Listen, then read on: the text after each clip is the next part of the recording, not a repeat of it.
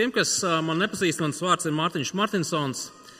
Esmu viens no šīs draudzes mācītājiem. Man ir tiešām liels prieks, ka par spīti šausmonīgajam karstumam, vismaz mums daudziem ziemeļniekiem tas tā liekas, mēs varam būt šeit, kur vismaz daži grādi ir vēsāks.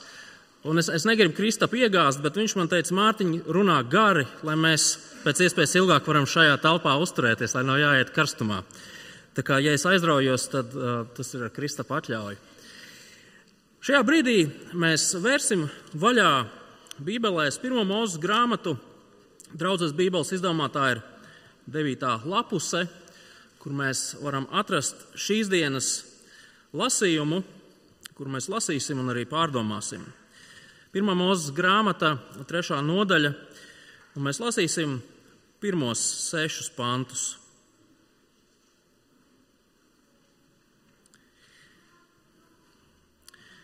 Bet čūska bija vismanīgākā no visiem lauka zvēriem, kurus Dievs, kungs, bija taisījis. Un viņa teica sievai, vai tiešām Dievs sacīja, no visiem dārza kokiem jūs nevarat ēst? Sieva čūskai teica, mēs varam ēst no visiem dārza augļiem, bet par tā koku augļiem, kas dārza vidū, Dievs sacīja, nēdiet no tā un neaiztieciet to, citādi mirsiet. Bet čūska teica sievai, mirt jūs nemirsiet Jo Dievs zina, ka tajā dienā, kad jūs no tā ēdīsiet, jūsu acis atvērsies, un jūs būsiet kā Dievs. Zināsiet, kas labs un kas ļauns. Un sieva redzēja, ka tas koks ir labs, lai ēstu, ka tīkams acīm un kārojams prātam, un viņa ņēma no tā augli un ēda un deva arī savam vīram, kas bija kopā ar viņu, un viņš ēda. Tas ir tā kunga vārds. Pirms mēs pārdomājam šos pāntus, lūgsim Dievu. Dabas Tēvs, Tu savā vārdā esi atklājis sevi, savus nodomus, savu mērķi. Tad nu šajā pēcpusdienā lūdzam, lai mēs varētu skaidri saprast, ko Tavs vārds mums māca šodien, un lai pie sapratnes nākuši mēs varētu dzīvot saskaņā ar to, ko Tavs vārds mums māca. Amen! Ja jūs sāktu lasīt Bībeli no sākuma, jūs ieraudzītu fantastiski brīnišķīgu pasauli. Dievs rada pasauli un visu, kas tajā, un mēs redzam, Dievs par šo radīto pasauli saka ļoti labi. Dievs rada cilvēku. Viņš ieliek cilvēku šajā pārpilnības pasaulē, un arī par cilvēku viņš saka ļoti labi. Cilvēks ir ielikts vidē, kurā ir pārpilnība, miers, saskaņa, labklājība, veselība un viss pārējais, pēc kā mūsu sirds kāro. Cilvēku dzīvi raksturoja dzīvība, dzīvīgums, skaistums, labums. Un radot cilvēku, Dievs cilvēkam uzticēja uzdevumu. Dzīvo šajā brīnišķīgajā pasaulē un rūpējies par šo pasauli, ko es esmu radījis. Pārstāv man šajā pasaulē, baudi to, un pārstāvi mani. Pasaulē valda absolūti brīnišķīgas attiecības cilvēku starpā un starp dievu un cilvēkiem. Tas ir tas, ko mēs redzam Bībeles sākumā. Pirmās divas nodaļas. Taču tad mēs paskatāmies uz pasauli, kurā mēs dzīvojam šodien, un mēs pamanām atšķirīgi, pareizi. Lai gan mēs joprojām redzam un baudām skaistumu, labumu, ko dod šī pasaule un viss tas, kas mums ir apkārt, līdzās skaistumam un labumam mēs redzam arī kroplumu un ļaunumu. Ja mēs apkopotu vienas nedēļas ziņu virsrakstus, tad mēs redzētu, ka šajā pasaulē valda dabas untumi un katastrofas, cilvēku savstarpējie konflikti, vardarbība, korupcija, netaisnība, slimības, vīrusi, nāve. Turklāt daudz kas no tā visa nav tikai tādi abstrakti ziņu virsraksti, bet tā ir, tās ir lietas, kuras mēs paši uz savas ādas izdzīvojam pareizi. Tas ir lietas, kuras mēs piedzīvojam, un diemžēl bieži vien tās ir lietas, kuras mēs paši apzināti vai neiz, neapzināti, bet paveicam šajā pasaulē. Pasaule, kura ir aprakstīta Bībeles sākumā, atšķirās no pasaules, kurā mēs dzīvojam tagad. Un tādēļ, neatkarīgi no savas reliģiskās pārliecības, mēs visi varam godīgi teikt, ka mēs dzīvojam salauztā pasaulē, kurā vienā mirklī pilnīgi viss, kas ir mūsu dzīvē, var sagriezties kājām gaisā un sabrukt. Nekas nav drošs. Un tādēļ rodas jautājums, uz kuru, manuprāt, mums visiem, kā cilvēkiem, kas šeit dzīvo, vajadzētu rast atbildi. Kāpēc? Nu, kā mēs esam nonākuši šādā pasaulē? Kas notika? Un šīs dienas raksturvieta ļoti skaidri atbild uz šo jautājumu. Šī pasaule un arī mūsu dzīve ir salauzta tāpēc, ka cilvēki uzticējās meliem, meliem par dievu un realitāti, kurā dzīvojam. Šie meli atrodas aiz visa tā, kas šajā pasaulē un arī mūsu dzīvē ir salauzts, nepilnīgs, neglīts, nepareizs, nepiepildīts. Realtāte ir tāda, ka mēs neviens šeit klāt esošajiem neesam imūni pret šiem meliem. Mēs visi tiem esam noticējuši un joprojām tiem ticam. Mūsu skatījums uz Dievu, un līdz ar to arī pašiem uz sevi un vispār uz šo pasauli, ir greiss. Tas ir kā ieiet šajās, eh, šajās greizos spoguļu telpās. Mēs tā kā redzam, bet neredzam. Un sakas tam ir ārkārtīgi draudīgas gan tagad, gan mūžīgi. Un šodien mēs esam aicināti nedaudz padomāt par šo problēmu, kas skar mūs visus. Ja gribat, mēs esam aicināti veikt izmeklējumu. Es zinu, ka mums nepatīk iet pie ārsta, bet ir ārkārtīgi svarīgi, redzot simptomus, noskaidrot, kas tad mums kaiš. Jo tikai tā ir iespējams slimību ārstēt.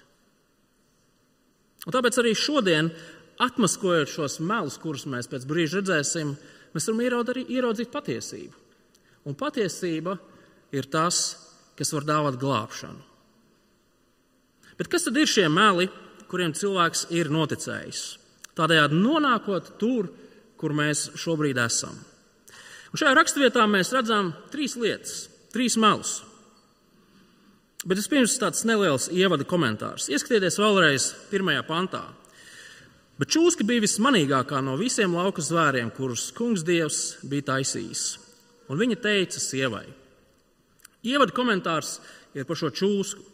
Ja mēs lasītu Bībeli, mēs ļoti skaidri ieraudzītu to, ka šī čūska ir nevis kaut kāds a, tropu mājas iemītnieks Rīgas zoodārzā, bet gan vēlns, sātans.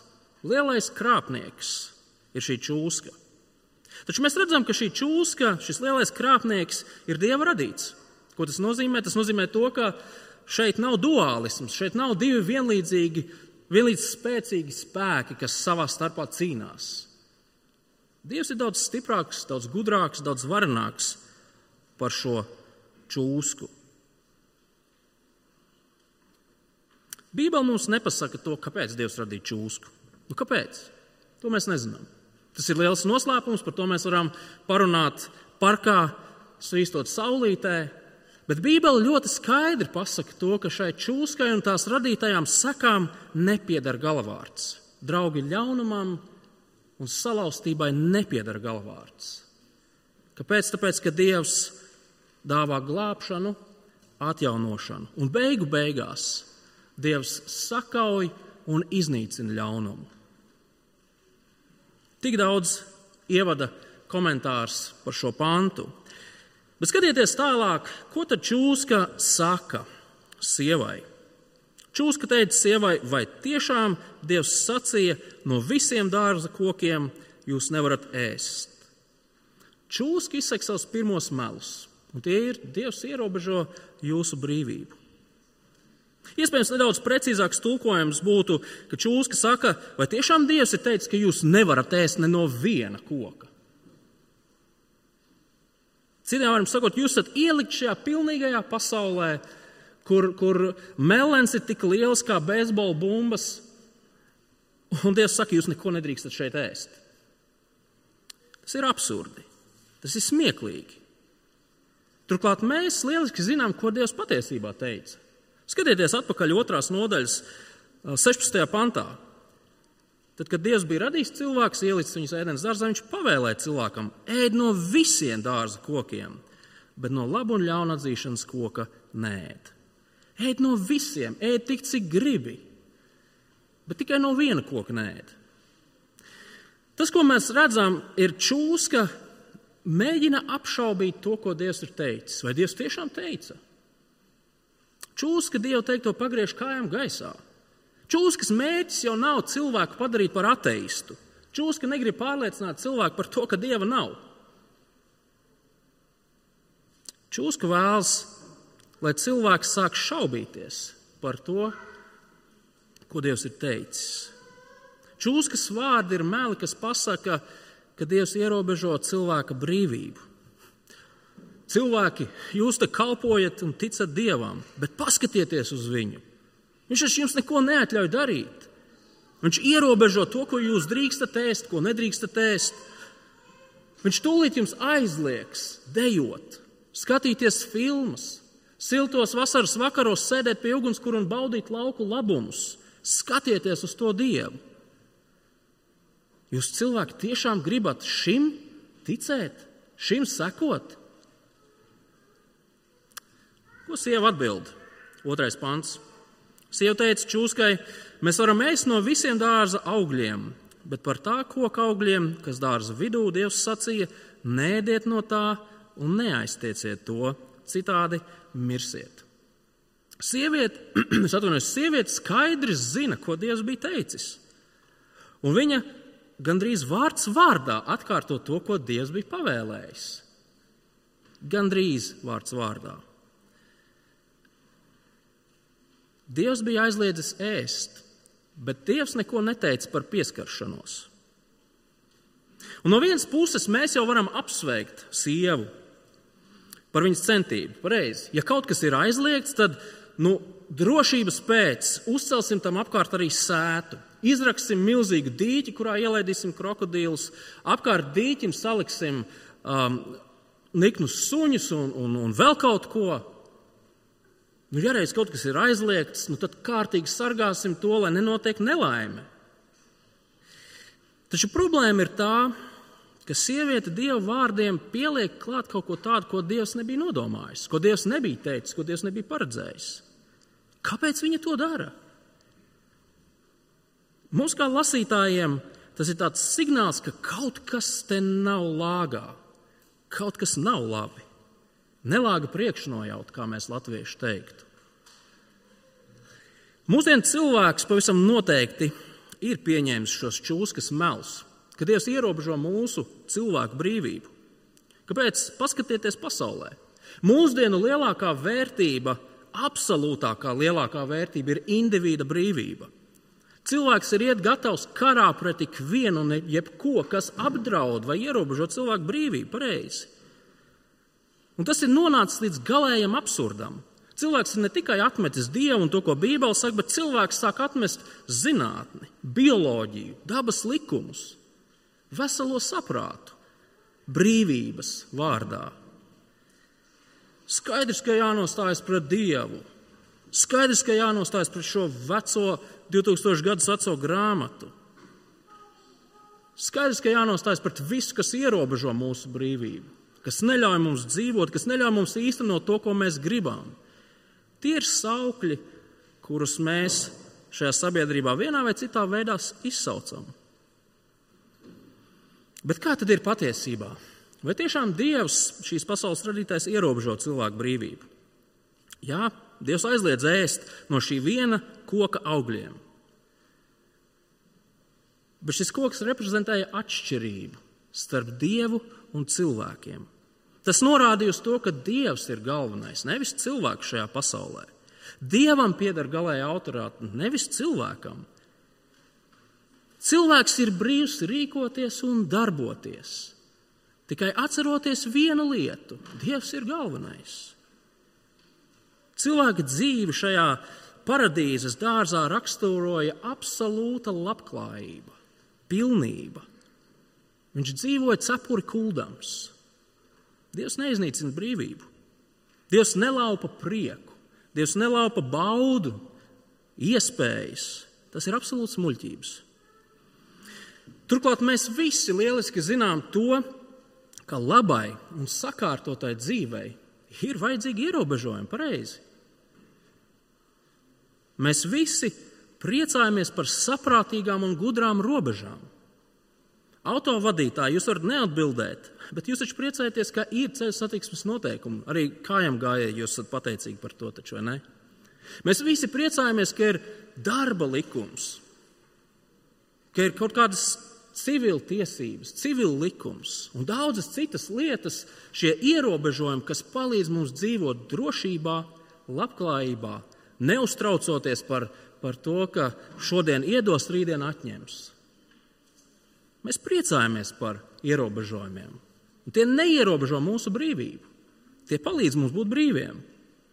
Labi un saprātīgi likumi, es vēlreiz uzsvēršu.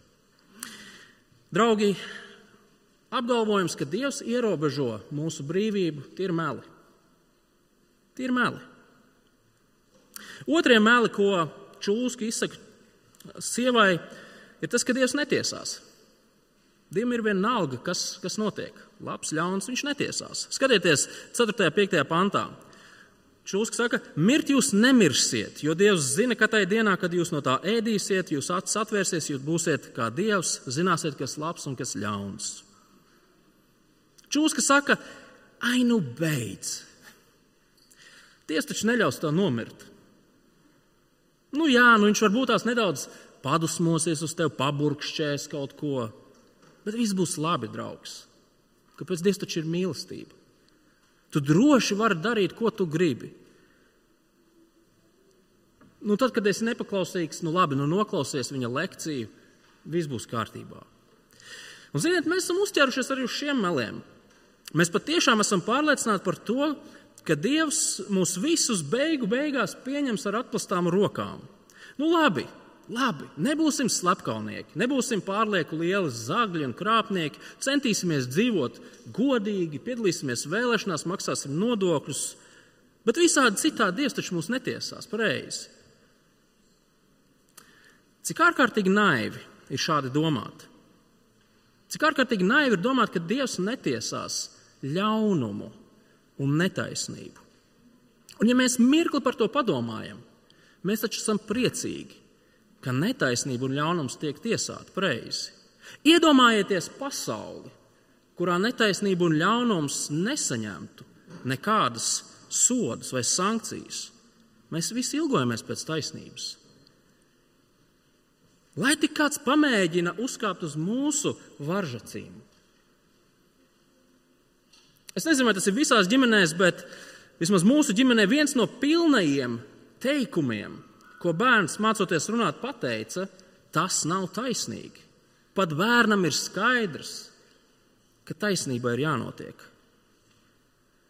Mēs visi klusībā ceram, ka ļaundaris saņems sodu. Mēs visi to pēc tā ilgojamies. Taču ir šī pretruna, vai ne? No vienas puses, Domājot par sevi un savām kļūdām, savā, saviem sliktajiem vārdiem, darbiem, attieksmi, mēs sakam, nu gan jau viss būs labi. No otras puses, mēs ilgojamies pēc tā, lai katrs, kurš pasakā sliktus vārdus un izdara sliktus darbus, kas ir vērsti mūsu labklājības virzienā, to gan lai saspar zibens. Te un tagad. Pretruna. Un patiesība ir tāda, ka Dievs tiesās šo pasauli. Ļaundars saņems pēc nopelniem. Taisnība beigu beigās uzvarēs. Kā labā Holivudas filmā vai sliktā. Jautājums ir tikai par to, kur atrodamies mēs, kas notiks ar mums, kad taisnības stunda sitīs. Vai tiešām mēs esam tik nevainīgi? Vai tiešām ar mums viss būs labi? Vai tiešām mēs varam būt droši?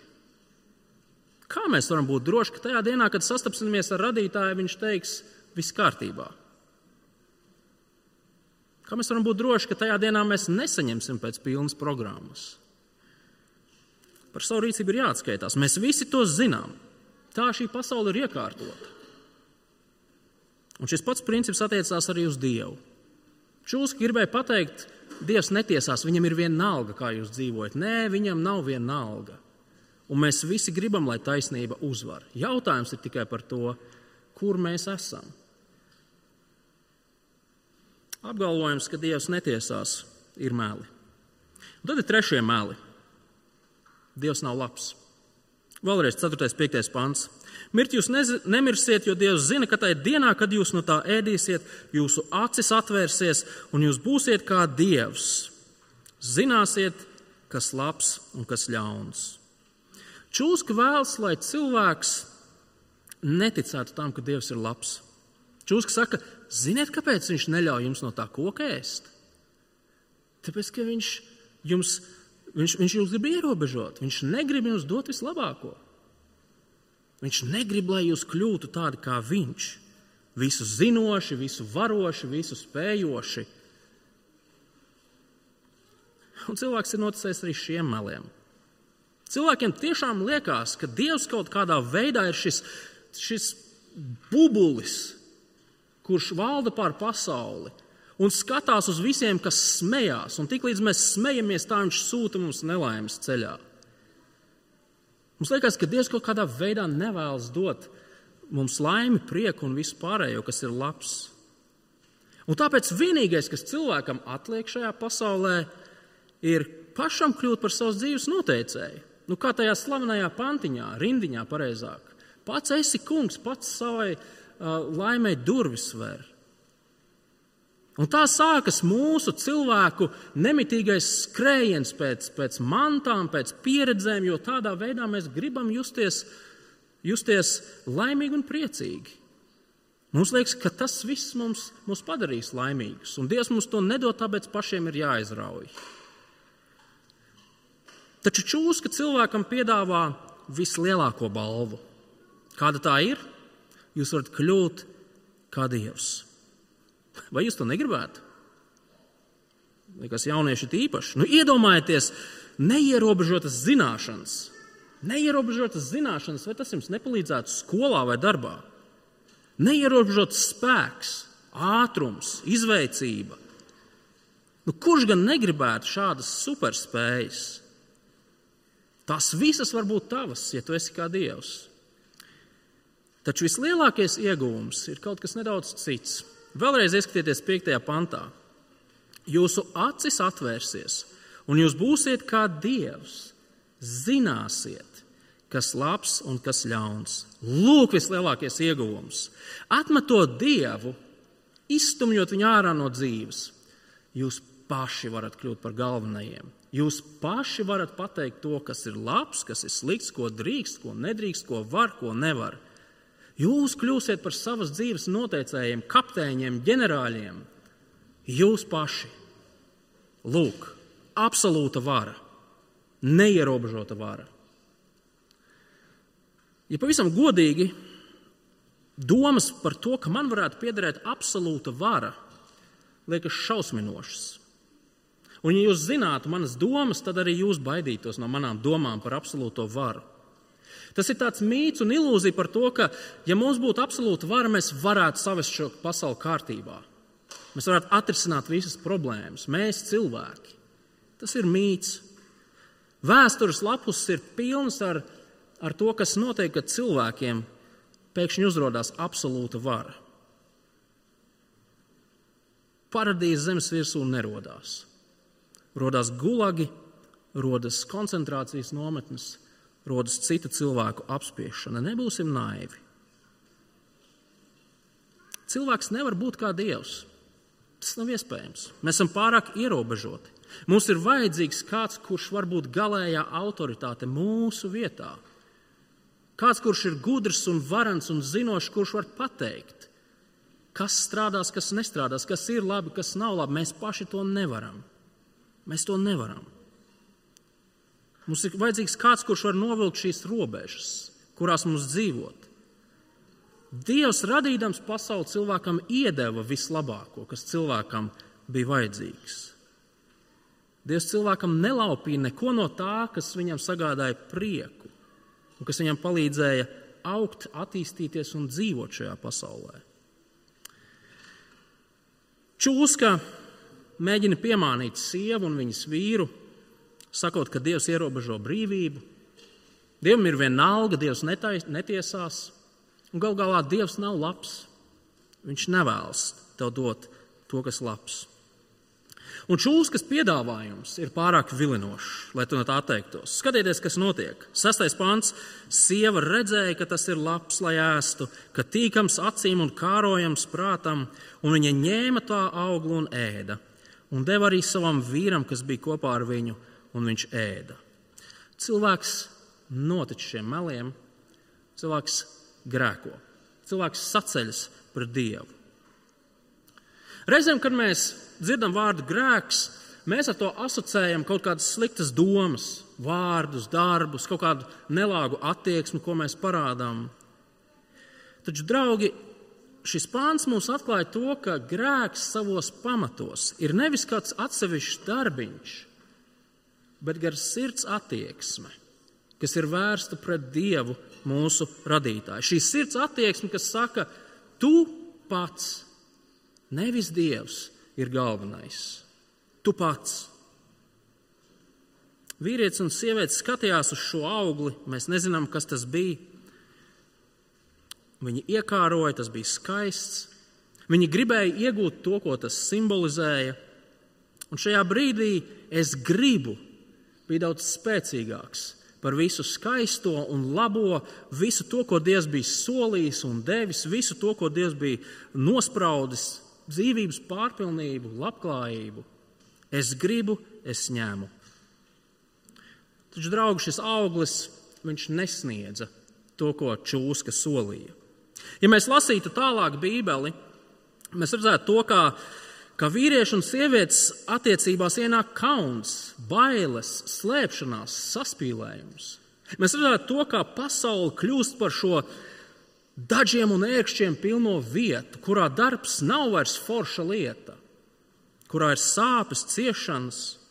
Mēs redzam to, kā starp dievu un cilvēku ienāk milzīga plaisa. Mēs redzam to, kā brālis nogalina brāli, mēs redzam to, kā bērni pamet vecākus un vecāki pamet bērnus. Mēs redzam to, ko mēs redzam ziņu virsrakstos. Mēs redzam salauztu pasauli, kurā dzīvo salauzti cilvēki. Un tagad mēs zinām to, kā mēs esam nonākuši šeit. Kāpēc šī pasaule, kurā mēs dzīvojam, atšķirās no tās ideālās pasaules, kur Dievs radīja? Cilvēks apšaubīja Dieva labestību, apšaubīja Dieva taisnīgumu. To izdarīja pirmie cilvēki, un to turpinām darīt arī mēs. Un tā baisā realitāte ir tāda, ka beigu beigās mums katram vajadzēs atskaitīties par savu dzīvi. Dievs tiesās tevi, Dievs tiesās mani. Tas ir objektīvs nākotnes fakts. Tas ir reāls neatkarīgi no tā, vai mēs tam ticam, vai neticam, atzīstam vai neatzīstam. Kā mēs šeit nonācām? Kāpēc pasaule ir tāda, kāda tā ir?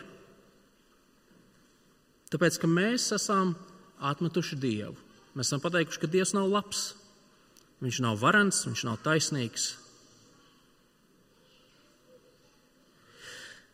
Bet, draugi, šajā dienā es gribu teikt, ka stāstam ir turpinājums. Šajā skaistajā dienā citādāk nevarētu. Šim stāstam ir turpinājums. Redziet, lai gan cilvēks dievam ir uzgriezis muguru, Dievs nav uzgriezis muguru cilvēkam. Par spīti tam, ka cilvēks ir sacēlies pret Dievu, noticējis meliem, aizgājis prom no Dieva, Dievs strādā šajā pasaulē, lai glābtu cilvēkus un atvērtu viņu acis patiesībai.